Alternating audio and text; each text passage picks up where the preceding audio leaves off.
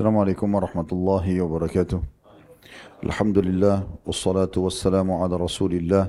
Segala puji dan puja kehadirat Allah Subhanahu wa taala, juga salawat dan taslim kepada Nabi besar Muhammad sallallahu alaihi wa ala alihi wa sahbihi wasallam.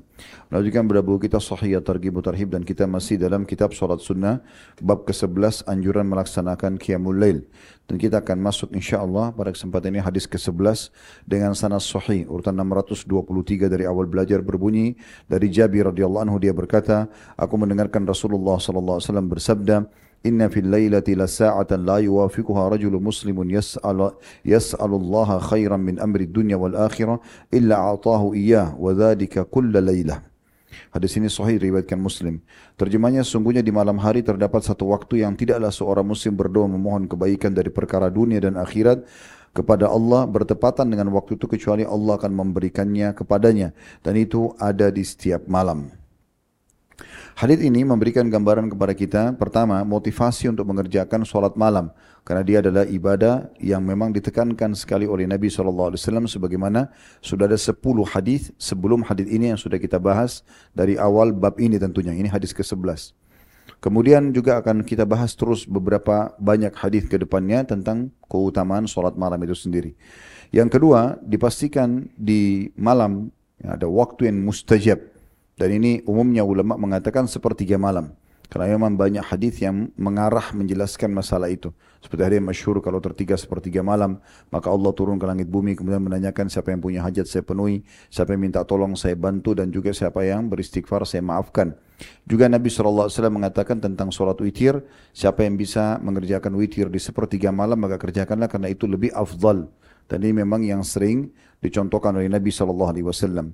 Di sini dipastikan doa itu akan mustajab, baik itu urusan dunia maupun urusan akhirat. Oleh karena itu, harusnya setiap muslim menjaganya. Karena ini seperti sebuah waktu yang dikhususkan oleh Allah Subhanahu wa taala agar kita bisa menyampaikan segala perkara kita.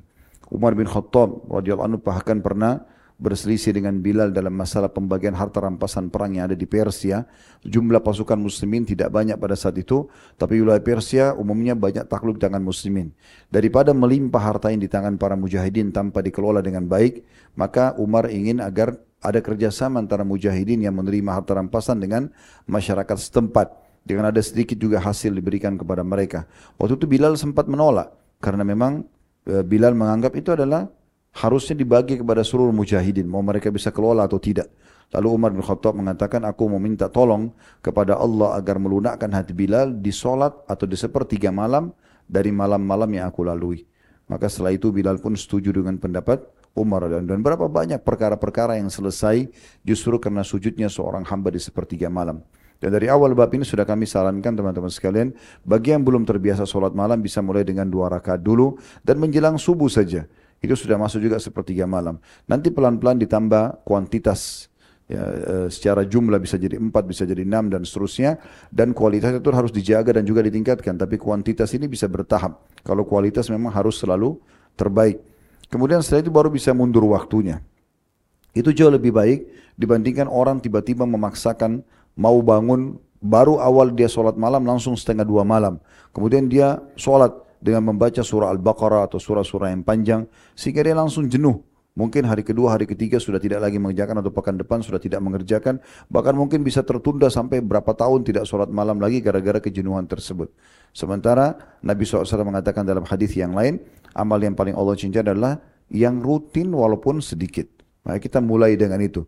Jiwa kita kalau sudah terbiasa dengan sesuatu maka nanti akan menjadi sebuah pola hidup. Dan kalau sudah pola hidup tidak ada masalah. Kita bisa mengaturnya mau membaca berapa ratus ayat bahkan berapa ribu ayat itu semua bisa saja kita laksanakan. Yang penting kita memulainya dulu. Yang penting kita memulainya dulu. Kemudian di sini dipastikan juga faedah yang ketiga adalah itu terjadi di setiap malam.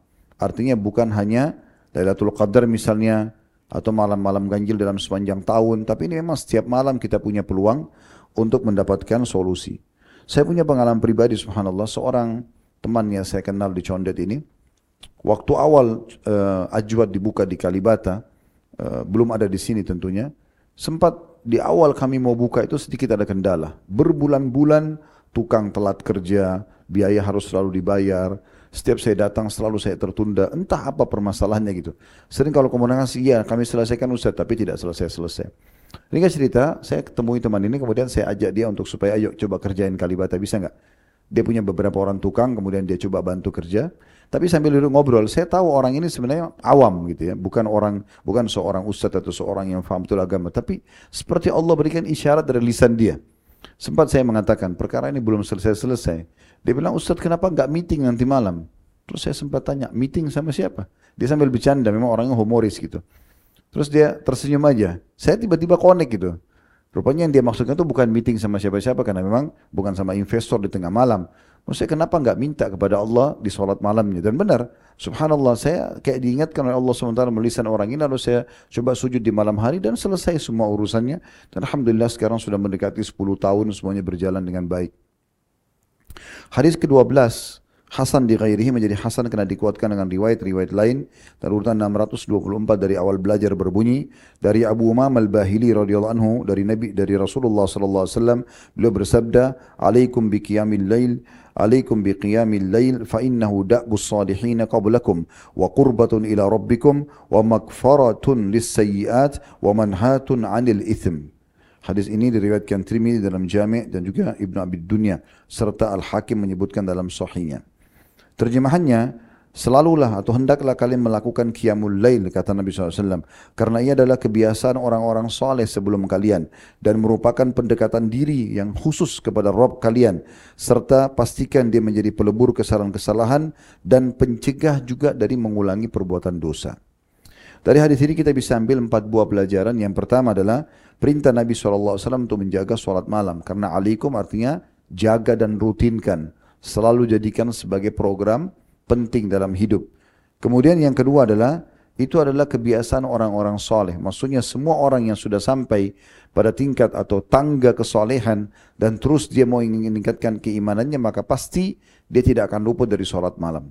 Bahkan sebagian ulama salaf dulu menjadikan tolak ukur kapan ada satu malam mereka tidak bangun maka mereka langsung beristighfar di pagi harinya karena tahu itu adalah dosa penghalangnya. Kapan insya Allah kita bersih dari dosa, kita banyak bertobat kepada Allah, niat yang tulus ingin bangun, Allah akan mudahkan untuk itu. Makanya Abdullah bin Umar mengatakan, aku tahu aku punya dosa pada saat aku bisa atau aku, e, begini, beliau mengatakan aku pernah mengerjakan satu dosa kecil, bukan dosa besar. Maka sudah cukup Allah menghukumku tidak bisa berjamaah di masjid subuh satu bulan. Mereka jadikan tolok ukur itu. Begitu juga dengan sholat malamnya. Kalau mereka luput, maka mereka jadikan sebagai tolok ukur. Berarti ada yang salah nih. Ada yang salah dari solat atau dari dosa yang dikerjakan. Ya. Kemudian yang ketiga, juga dikatakan sini pendekatan diri secara khusus kepada Allah. Maksudnya semua ibadah pendekatan diri kepada Allah, tapi di malam hari itu berbeda. Ya sudah kami singgung beberapa pertemuan yang lalu ya.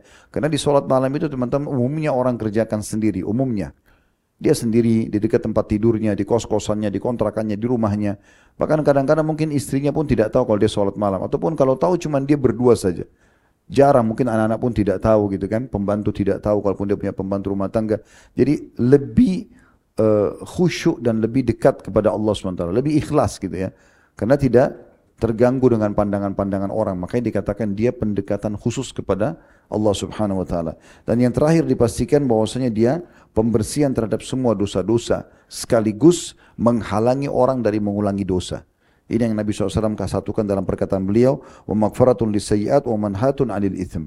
Dia pasti akan membersihkan kesalahan-kesalahan dan juga akan menghalangi seseorang untuk mengulangi dosanya. Tentu kalau teman-teman bertanya apa manfaatnya kalau dibersihkan dosa, seperti orang kalau kerja di kantor rasionalnya, kapan pelanggaran antum di kantor dimaafkan, otomatis berarti fasilitas di kantor akan diberikan semuanya. Tapi kapan kesalahan kita tidak dimaafkan, maka mungkin kita bisa di PHK dikeluarkan. Jadi makna dibersihkan dosa maksudnya adalah Allah akan kembalikan semua fasilitasnya. Akan berikan kepada kita dengan tidak adanya dosa yang tadinya jadi penghalang terhadap nikmat yang harusnya Allah berikan kepada kita. Allahu alam. Kedepannya insya Allah kita akan lanjutkan hadis ke-13 dalam bab ini. Semua bermanfaat. Subhanakallah bihamdika. Asyhadu an la ilaha illa anta astaghfiruka wa atubu ilaik. Assalamualaikum warahmatullahi wabarakatuh.